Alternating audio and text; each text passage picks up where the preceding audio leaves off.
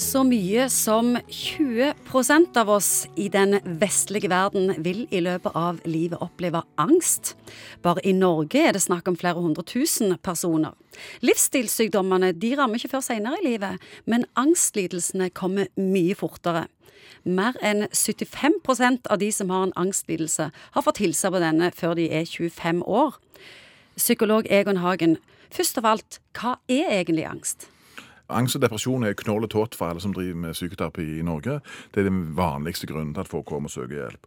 Og Det kan enten være knytta til bestemte situasjoner eller objekter, som vi sier på fint, eller det kan være mer en ubestemt tilstand som er preget mer sånn frittflytende uh, angst eller frykt for at ting skal gå til helvete, eller at partneren skal dø, eller ungene skal bli påkjørte. Hvorfor er 20% av befolkningen i Vesten redde?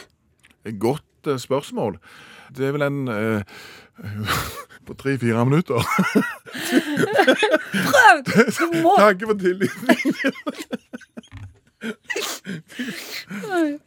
Ja, det, det, virker, det, virker, som at vi lever jo i en tid egentlig hvor veldig mange av disse tingene som vi reelt sett kunne være redde for. Aldri har vi levd så trygt som vi har det her i Norge.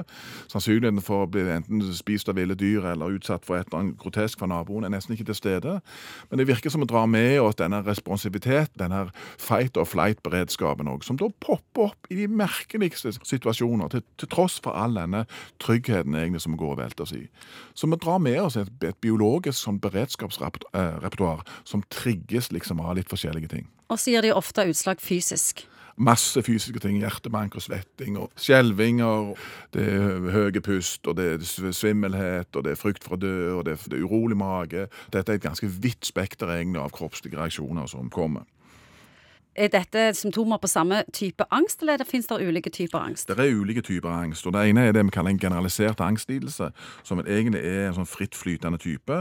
Eh, da er det ikke knytta til spesielle situasjoner eller uh, gjenstander, men mer sånn grunnleggende frykt for som jeg sier, at ting skal gå til helvete. Hva andre angster enn det? Så har du panikklidelse, som nå er liksom vært veldig i vinden, uh, som er knytta til folk som er vanvittig flinke på å overvåke egen kropp, og som på en måte da feiltolker normale variasjoner, enten i det vi kaller sånn sympaticus-aktivering som tegn på nær forestående død, eller besvimelse, eller de kommer til å skjemme seg ut. De kan se bilder av dette. Og det som skjer med en gang du tror 100% sikkert at nå kommer du til å dø, så vil du selvfølgelig få en fysiologisk reaksjon som står i forhold til det. Og så har du òg sosial angst, som er mer den ideen om at folk i utgangspunktet har en grunnleggende kritisk innstilling til deg. De syns egentlig ikke at du er noe særlig kar.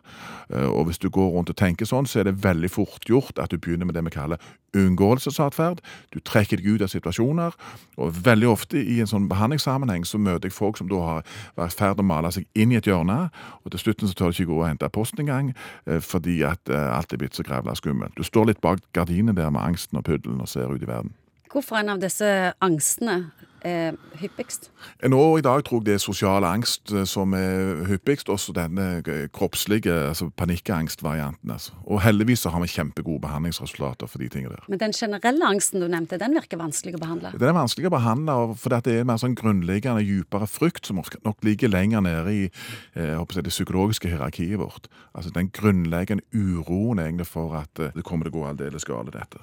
Jeg var jo inne på nettet og kikket litt, og da leste jeg flere artikler og fikk inntrykk inntrykk at dette ikke er så lett behandla? Jo, det er Jo, det er det. Jo, det er det faktisk. Jeg vil si det. At kollegene mine og de aktørene er egentlig veldig gode å behandle. Og det er en god miks av eh, forskningsresultater som viser at kombinasjon f.eks. av medikamentell behandling eller det som kalles kognitiv atferdsterapi for veldig mange av disse tilstandene har kjempegod effekt.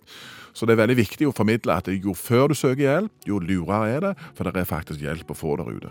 Det er ingen grunn til å sitte og tenke at dette er håpløst, at livet mitt kommer til å være sånn som dette for alltid, for det er virkelig god hjelp å få.